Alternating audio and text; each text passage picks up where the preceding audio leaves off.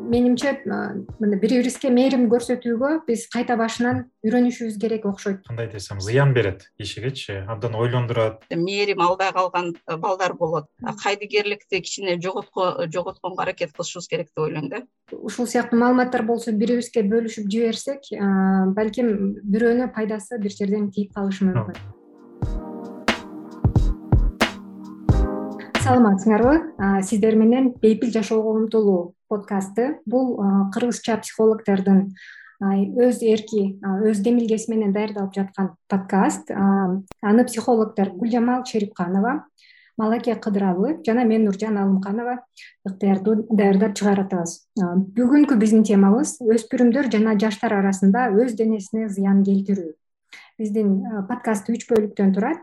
Өз денесине зыян келтирүү деген кандай болот? Аны кантип аныктап билсек болот. Анын себептери жана үчүнчүсү бул жардам берүү жолдору. Кесиптештер саламатсыңарбы саламатсыңарбы саламатсыңарбы анда бул теманы баштасак өз денесине зыян келтирүү деген кандай болот? Аны кантип билебиз? Өз денесине зыян келтирүү бул аябай жайылып кеткен эле метод деп айтам. Аны түшүнүш үчүн биринчиден статистикага карап көрөлү. Эки миң он төртүнчү жылы мисалы британияны эле алып көрсөк эки жүз жыйырма бирден беш жүз сегизге э, эки миң жыйырманчы жылда беш жүз сегиз э, кейске э, өсүп кеткен. Өзүнүн денесине зыян келтирүүнүн саны. Анан кийин be деген организациянын статистикасы боюнча кырк сегиз проценттен жетимиш жети процентке өсүп кеткен деп айтышат да. Буга мүмкүн болушунча пандемия түрткү берди же болбосо ар түрдүү социалдык проблемалар түрткү берди деп айта кетсек болот. Бирок э, өзүн өзү э, э, денесине зыян келтирүү бул эмнелерден турат? Мунун ачык аныктамасы жок бирок ага эгерде аныктама бере кетсек аябай ашып ташып кеткен кыйналуу сезимине жооп катары анан суицидалдык эмес э, өзүн өзү жараттандыруу деп э, аныктама берип кетет да бизде классификация кылгандачы анан өлүмгө ниети жок өзүнө жарат келтирүү. Анан кийин булар кандай бөлүктөргө бөлүнөт э? Өзүн өзү кесүү кескенде мисалы мындай карап көргөндө врачтар айтат да баардык адамдар оң колдуу болгон үчүн сол кол тарапта параллелдик э, түрдө кесүүлөрдүн э, белгилери болот. Анан кийин балдар кээ бирөөлөр айтышы мүмкүн мени мышык аймап алды деп. Бирок эми мышык ошол эле жерде аймай бербейт да кайра кайрачы анан өзүн өзү тырмоо атайын катуу нерселер менен колун же башын чабуу э, же против чабып алуу э. Өзүн өзү тиштөө же болбосо өзүн өзү күйгүзүү же болбосо кандайдыр бир токсикалык нерселерди ичип алуу анан кийин ага арак ичүү кирет алкоголь ичүү кирет э уксус баягы дарыбек ичип алуу ошондойлор. Мисалы мен эки миң он бешинчи жылы бишкекте болгондо эми бизде статистика бул жөнүндө ачык берилбейт деп айтып кетейин. Себеби дегенде элдер ойлошот да бул кандайдыр бир уяттуу нерсе элдерге ушак болуп кетет деп э, ачык бөлүшпөйт. Бирок эгерде ачык сүйлөшө алсак бул проблеманы чечкенге же түшүнгөнгө аракет кылмак деп ойлойм да. Эки миң он бешинчи жылы мен токсикологияга больницага жатып калганда жети адамдын ичинен бешөөсү э, өзүн өзүн э, жанын кыйганга аракет кылып же болбосо өлүмгө ниети жок бирок врачтар айтышат да булар бизди манипуляциялап атат же болбосо көңүл бурдуруш үчүн ичип алган деп. Үч кыз уксус ичип э, бирөөсү парацетамол бирөөсү валерианка ичип түшүп калган экен. Анан экөөбүз мен мисалы краскага реакция чач краскага а бирөөсү тарантула иштеп э, жетөөбүз токсикологияда жаттык да. Анан кийин мындайча карап көрсөк ал кыздардын э, өзүн өзү өлтүрүүгө эч кандай үмүтү болгон эмес. Бирок үйүндөгү кандайдыр бир проблемаларга байланыштуу ошолордун кандайдыр бир копинг э, стратегиялары болгон да ошо кыскача кыскача ошону айта кетсек болот. Анын максатына э, кандай максаты болот э? Эми бизде үстүртөдө айтып кеткендей өзүнө өзү көңүл буруу дейт. Мисалы кээ бир үй бүлөлөрдө кандайдыр бир аябай чыдагыс айлана чөйрөдө өсүп атса балага көңүл бурулбай калса же болбосо ата эне башка жакта болгондо өзүнө көңүл буруу үчүн кылынган метод болушу да мүмкүн да. Же болбосо баягы эмоцияларды жаш балдар түшүндүрүп бере албайт да сөздөр мененчи анан кийин өзүн же кесип же тырмап алганда ошол өзүн өзү жараттандыруу убактылуу кандайдыр бир чыгарууну э, көрсөтөт да ошондо бул белгилүү бир жаш куракка эле байланыштуу болот э. Өспүрүмдөр андан кийин жаштар. Э, эң эрте дегенде кайсыл курактан башталат? Бул деген категория жалаң гана жаштардын же болбосо жаш балдардын арасында эле таркалган деп айта албайм. Себеби дегенде бул баардык жаштардын арасында кездешет. Бирок көбүнчө э, подростковый периоддо кездешкен проблема да. Алар деген мисалы эми баягы гормондорду өзгөрүп же болбосо жаңы мектепке которулуша баштайт. Бул жактачы э, начальный мектептен э, кийинки э, средняя школага которулганда толтура проблемалар болот. Ошолорга чыдамдык бере албай анан кийин балдар аябай стресс болушу мүмкүн да ошондо башталат. Андан кийин үй бүлөдө арак ичүү үй бүлөдө наркотик чегүү эгерде ата энеси карабаса ата эне ата энесинин кароосу жок калгандар болот ошондой чөйрөлөрдө э, тез тез болуп турат да. Ошондо себептеринен малаке сиз дагы кененирээк айтып берсеңиз сиздин ыкма боюнча бул балким башкача дагы түшүндүрмөлөрү бардыр. Себептерин гүлжамал эже айткандай эле как бы баарыбыз менин оюмча кошулабыз что кичинекей кездеги тажрыйбанын э, ата энеси ата эне менен чөйрө менен мамиленин абдан чоң таасири бар э эмеге э, кийинки эмелерге бирок э, бир эки маселе бар менин оюмча булар маанилүү да генетиканын абдан эмеси бар чоң таасири бар бул жердечи ар кандай изилдөөлөр бар? Илимий изилдөөлөр бар. Ал илимий изилдөөлөрдө эме деп айтылат да? Ар кандай статистика берилет? Бирок там жыйырма процент отуз процент ушунчалык мындай мисалы ата ата энелер жактан бирөөнүн өзүнө кол салуу тажрыйбасы болгон кишилердин анан кийинки балдарында неберелеринде кайталанган ыктымалы башка үй бүлөлөргө карата көбүрөөк болот.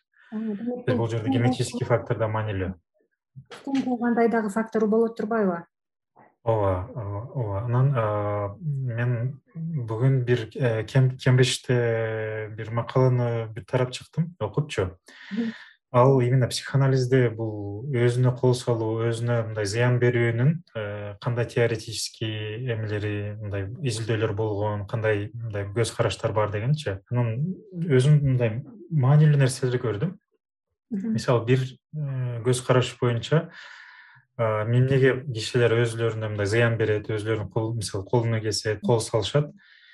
Бир эмеге аныктамага караганда эме деп айтышат да. Кичинекей кезде мындай өспүрүм бала мен деген эме мындай англисче селф деп коебуз го. Мен деген мындай түшүнүк качан пайда болуп баштайт? Биринчи ал бала үчүн эме. Кандай десем мындай осязательный нерселер маанилүү болот да. Мындай апасынын мындай колуна алганы денесине мындай кол менен тийгени апасынын мындай эмесине төшүнө жатканы ошондой нерселер менен сезет да. Сезип баштаганда ошондо эме пайда болуп баштайт дейт. Именно мен деген чувствочу сезим. Анан бул болсо бул болбогондо же абдан аз болгондо мисалы балада эме мындай кандай десем мен бармынбы жокмунбу? деген эме суроо башталат дейт да. Мындай уже бул бессознательный сознательный эмес бессознательный эме анан өзүнө мындай зыян бергенде денесин кескенде э, как будто мындай э, внешний тышкы дүйнө менен ички дүйнөнү мындай бириктиргенге аракет кылат деген ошондой бир аныктама бар да. Менин оюмча бул маанилүү.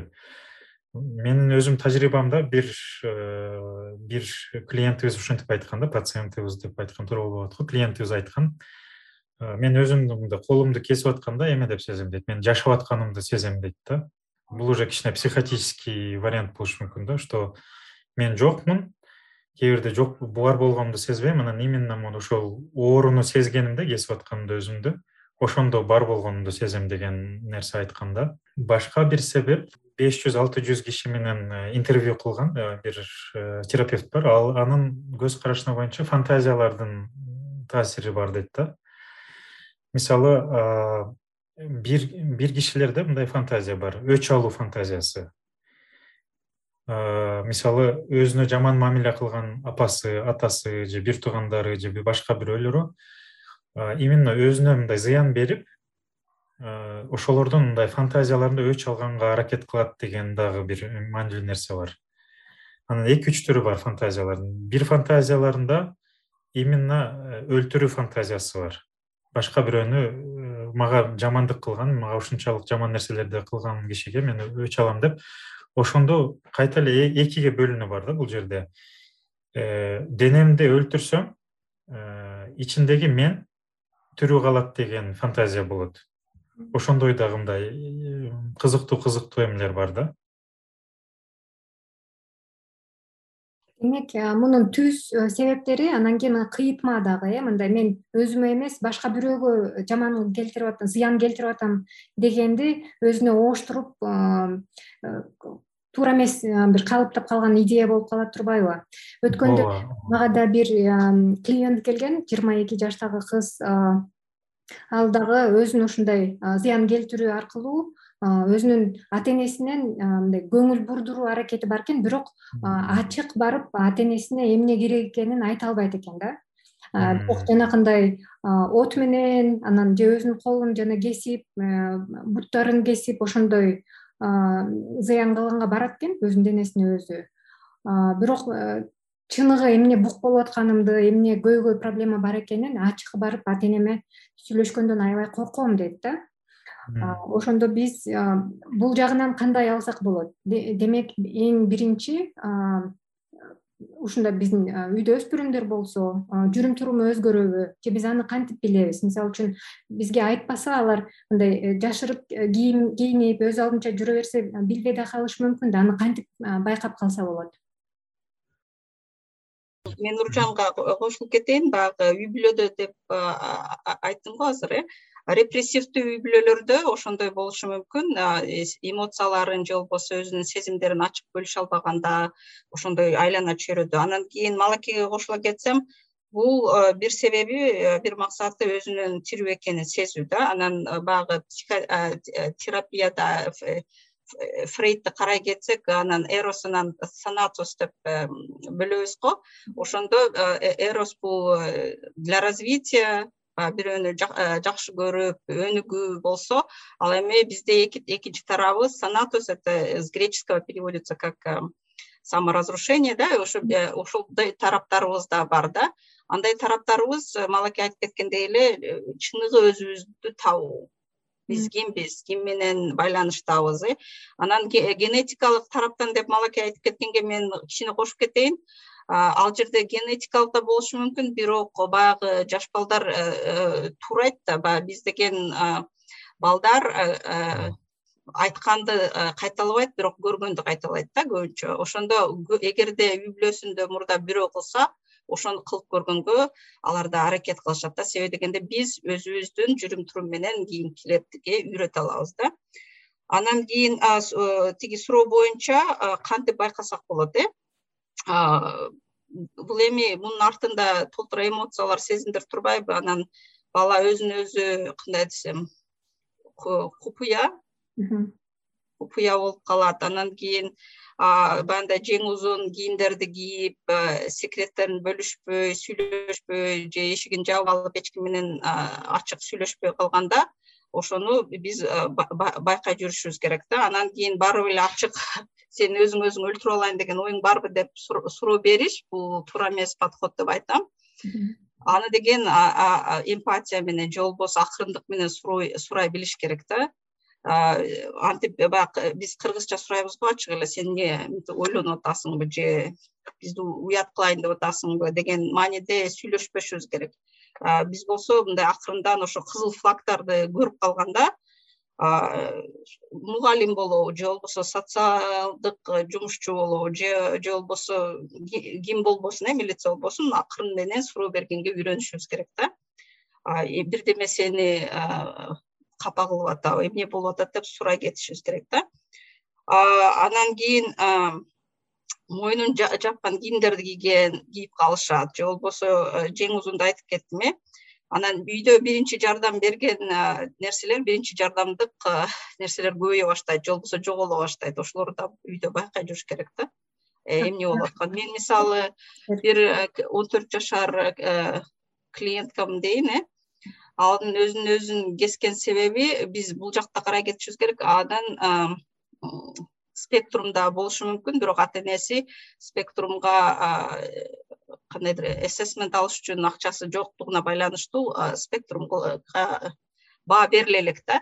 Бирок ошол эле мезгилде баягы adд adhd деп коет ошо ошого дагы баа бериш керек болчу анын кейсинде. Бирок андай болбой туруп эле ал кыз импульсун э, контролировать эте албагандыктан өзүнө өзү жарат келтире берет да. Ошондо айтат мен адреналин алам.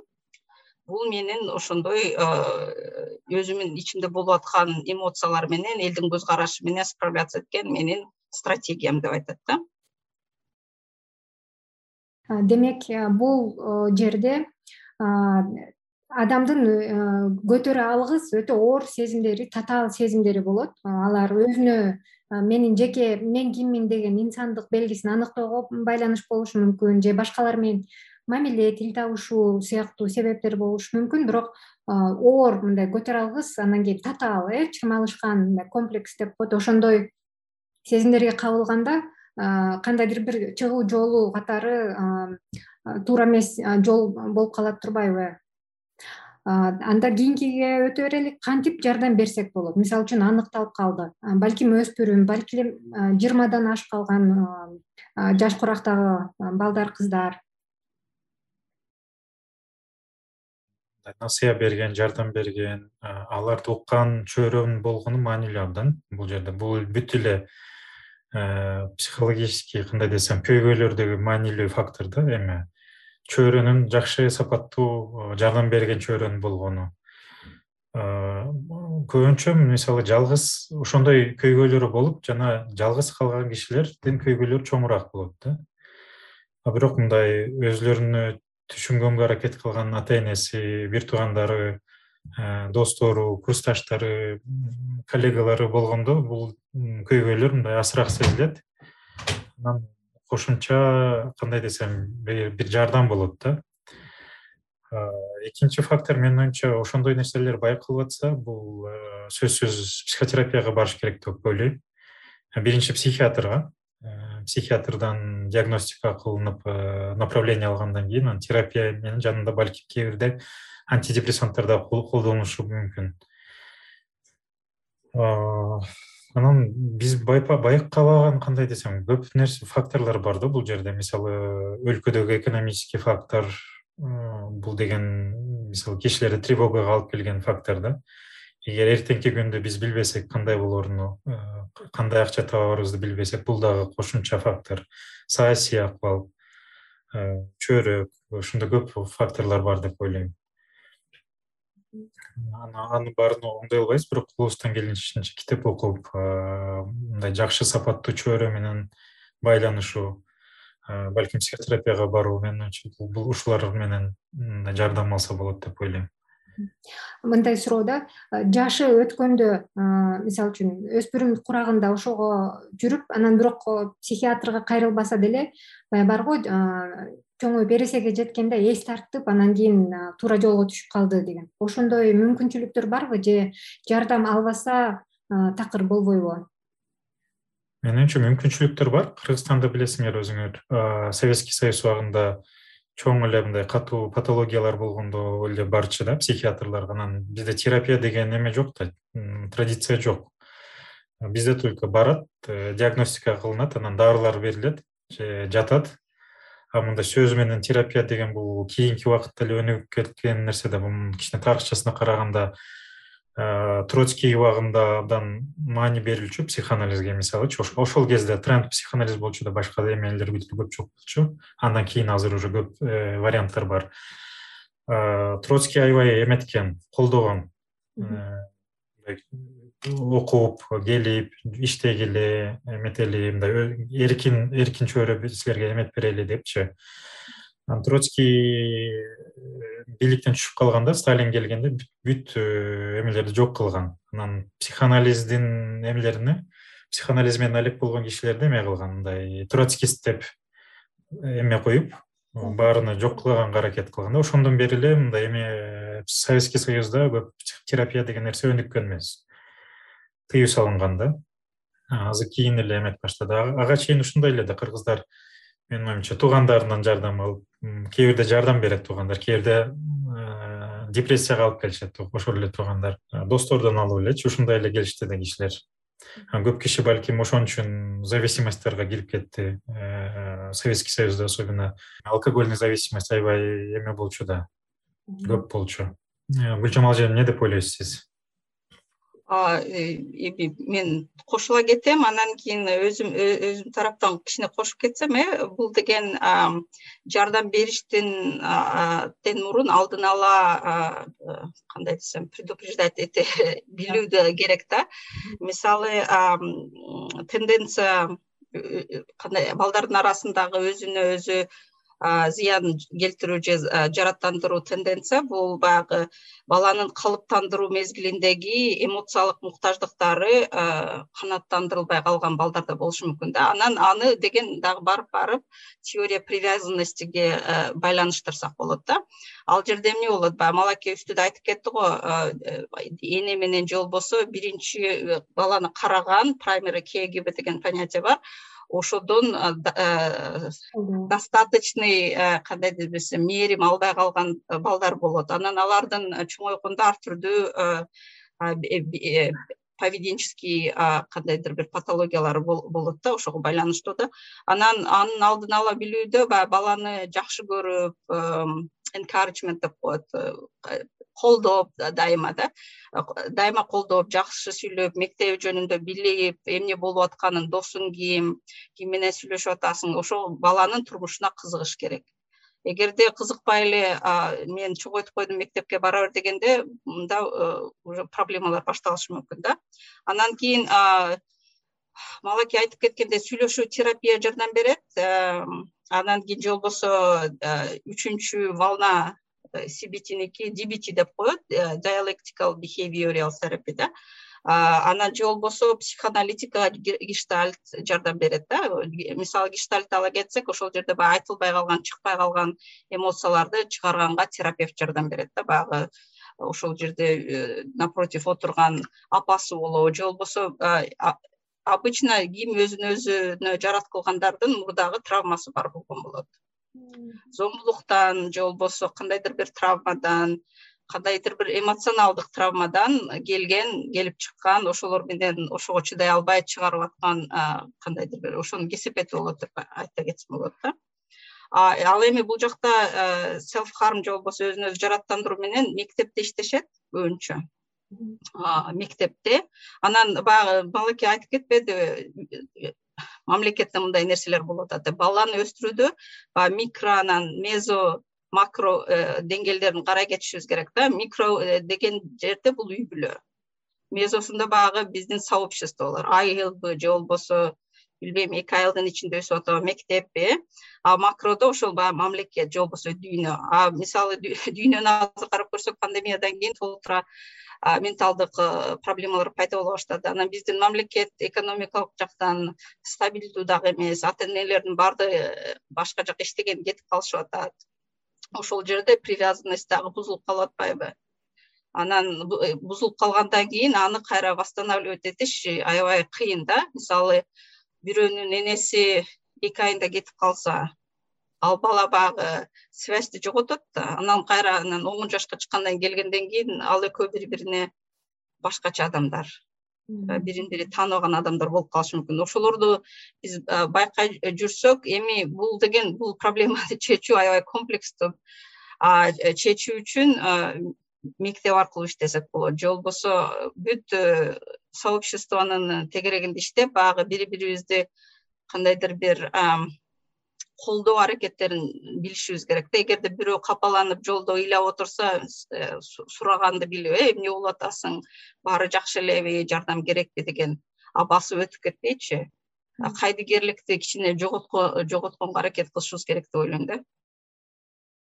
Нуржан силер эмне деп ойлойсуңар кандай жардам алса болот бул кишилер? Же кандай жардам берилсе болот мен эң биринчи байкашымча бул эң жакынкы адамдарынан кандайдыр бир колдоо же көңүл жок дегенде көңүл буруу болсо балким жеңилирээк болмок анткени эмоциялары топтолбой бир жака чыкмак. Балким бир жума жакшы сүйлөшүп келип бир бир күн урушуп кетсе дагы ал эмоциялар ичине калып калбай мындай сыртка чыгып бири бирине айтып алышты. Бирок алар жакын адамдар да бир үй бүлө кийин аны кайта сүйлөшүп чечип алышы мүмкүн да. Менимче бири бирибизге мээрим көрсөтүүгө биз кайта башынан үйрөнүшүбүз керек окшойт да. Анткени гүлжамал эже айткандай эгерде ата энеси башка жакта болуп мындай балдар менен эки жакта узакка жашап калса алардын ортосунда байланышы жок калат да. Анан ал байланышты кайта кантип калыптаса болот? Ошого көңүл буруп бул жерден жанагы сен курсагың ток мынакей кийимиң бар уктаган жериң бар сага квартира алып бердик сен унчукпа ушуга ыраазы бол деген сыяктуу нерселер айтылат экен да жанагы менин келген клиентимде. Ал өзүн өз алдынча турат бирок ошого карабай мындай материалдык жактан баары жакшы болсо дагы мындай мээрим жетишпейт эмоционалдык байланыш жок калган. Ошон үчүн мындай ичине толуп кеткенде каяка бараарын билбейт экен да. Балким бири бирибизге чын эле көңүл бурсак мээримдүүрөөк болсок же ушул сыяктуу маалыматтар болсо бири бирибизге бөлүшүп жиберсек балким бирөөнү пайдасы бир жерден тийип калышы мүмкүн. Нуржан менин оюмча эки факторго көбүрөөк турсак болот. Бул себептерге көбүрөөк. Анан эме анан угуп аткандар бул подкастты угуп аткандар эме деп сурайт болуш керек да. Аягында мисалы шаардык болбогондор терапияга барганга шарттуу болбогондор кантип жардам берсек болот деген суроочу себептери менен кичине сүйлөштүк. Анан менин оюмча мындай э, дополнительный маалымат дагы кичине берсек болот жанагы гүлжамал эже менен сүйлөшүп аткан как бы биринчи контакт апа мененчи денесине тийүү бул биринчи теориялар болчу да элүү алтымыш жыл мурда. Андан кийин бирок көп изилдөө кылынды анан муну мындай колдогон башка дагы изилдөөлөр чыкты. Мисалы мээ өнүгүүсүнө э, мээнин развитиясына э, эменин мындай физический контакттын таасирине болгон изилдөөлөр бар мисалы жакшы изилдөөлөр бар. Э, иммунитетке мисалы биринчи контакт дене менен контакт апа менен же биринчи балага караган киши менен денеси менен контакты менен анан кийинки иммунитетке таасири. Мисалы ошондой изилдөөлөр бар да. То есть муну колдогон. Анан ошого караганда мындай өзгөчө эки жашка үч жашка чейин э, өзүнө караган киши менен Э, именно физический контакты маанилүү экенин көрүп атабыз да. Мисалы бизди угуп аткан балким апалар бар э, алар балалуу болот же балдары бар. Мындай колго алынып мээрим көргөзүлүп мындай апасынын төшүнө жатып мындай физический жакшы көп эле контакт болуш керек дегенин көрүп атабыз да бул жерде. Анан э, дагы бир себеп мындай эмнеге кишилер? Өзүнө кол салат же эмнеге өзүнө мындай зыян берүүгө ыктымалдары бар деген кишилерге караганда бир эме бар көз караш бар. Интернализация деген психотерапияда термин бар.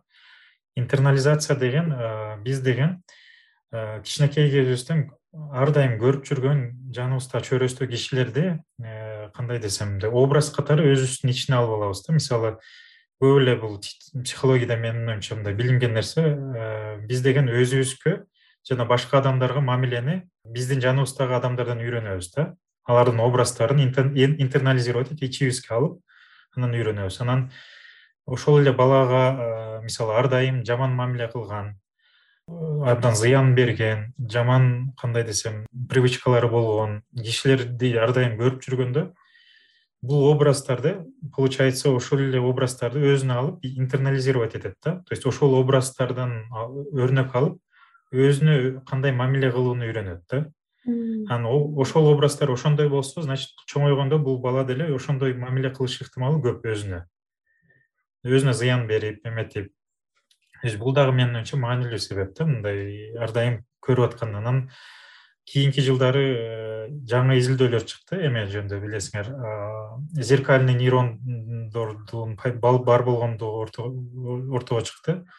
Зеркальный нейрондор эме мындай биз эмнени ар дайым же көп көрсөк ошону кайталаганга ыктымалыбыз көбөйө берет өзүбүздө. Анан дагы бир көз караш бул деген кээ бирки кишилерде көрүлөт кол кандай десем ошончолук мисалы кээ бирки кишилер ойлойт мындай өзүлөрүнүн башына көп жаман нерселер келген жаман нерселердин мындай тажрыйбалары бар. Анан ошол ошол мындай кандай десем ойлор абдан мындай кандай десем зыян берет кишигечи абдан ойлондурат маанайы чөгөт аларды эстегенде анан ошолордон мындай кутулуш үчүн кээ бирде э, денени бир эме катары көрөт бир инструмент катары көрүп мисалы өзүнү кескенде денесинин ичине киргенде э, кан чыкканда мисалы ошол ичиндеги зыяндуу нерселерден мындай кутулам деген бессознательный бир ой болот кээ бирки кишилерде. Анан ошондой аркылуу мисалы бир өрнөк өтө мындай кандай десем обсессивный бир апа менен бир э, апа менен өскөн бир кызды мисалы апасы он беш жашына чейин эме кылыптыр. Жыныстык э, органдарын мындай жуудурганга мындай эме кылчу экен мажбурлачу экен.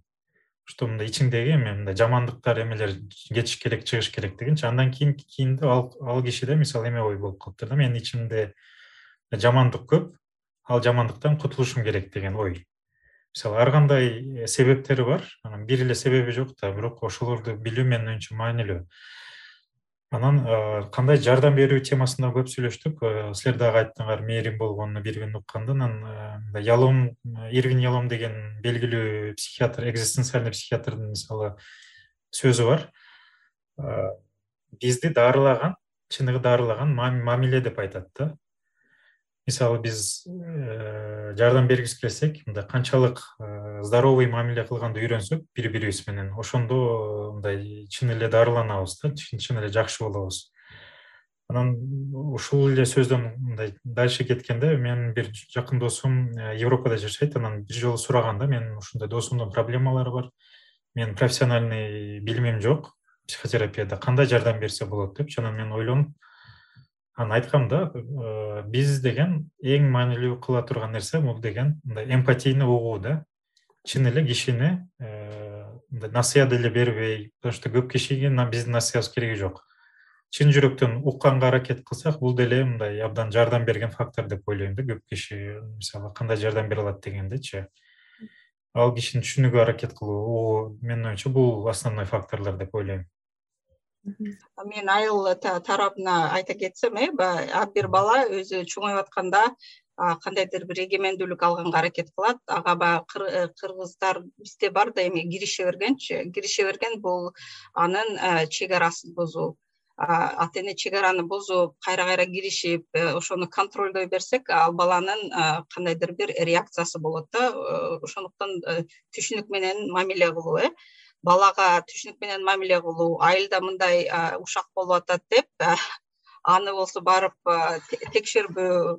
Же болбосо ошол өзүн өзүнө зыян келтирүүнүн артындагы эмоцияларды түшүнүү анын артында капалануу турат ачуулануу турат көңүл бурбай коюу турат же болбосо уялуу уят деген нерселер турат шылдыңдоо турат. Ошолордун баарын түшүнүп балаңарды түшүнгөнгө аракет кылыш керек да. Себеби дегенде баладан кандайдыр бир ценнее эч ким жок да туурабы.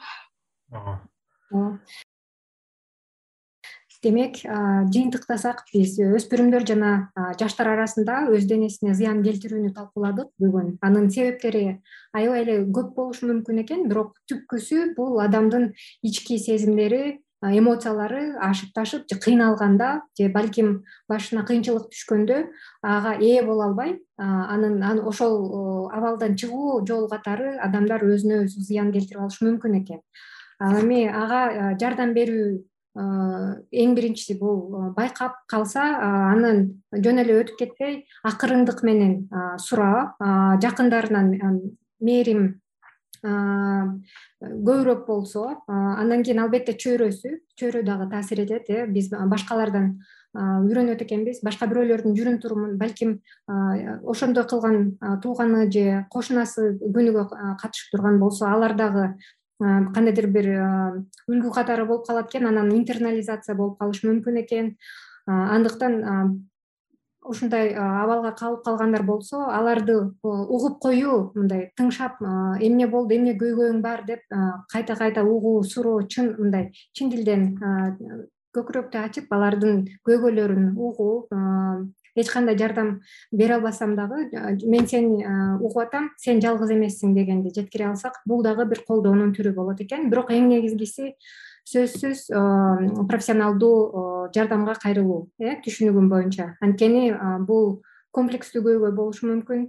Депрессиянын кайындадыр бир жүрүшү же башка бир травманын жыйынтыгында болуп калышы мүмкүн. Ошондуктан жардамга кайрылууга чакырабыз. Бейпил жашоого умтулуу подкасты болду. Бүгүн сиздер менен гүлжамал шеримканова жана малаке абдрали болушту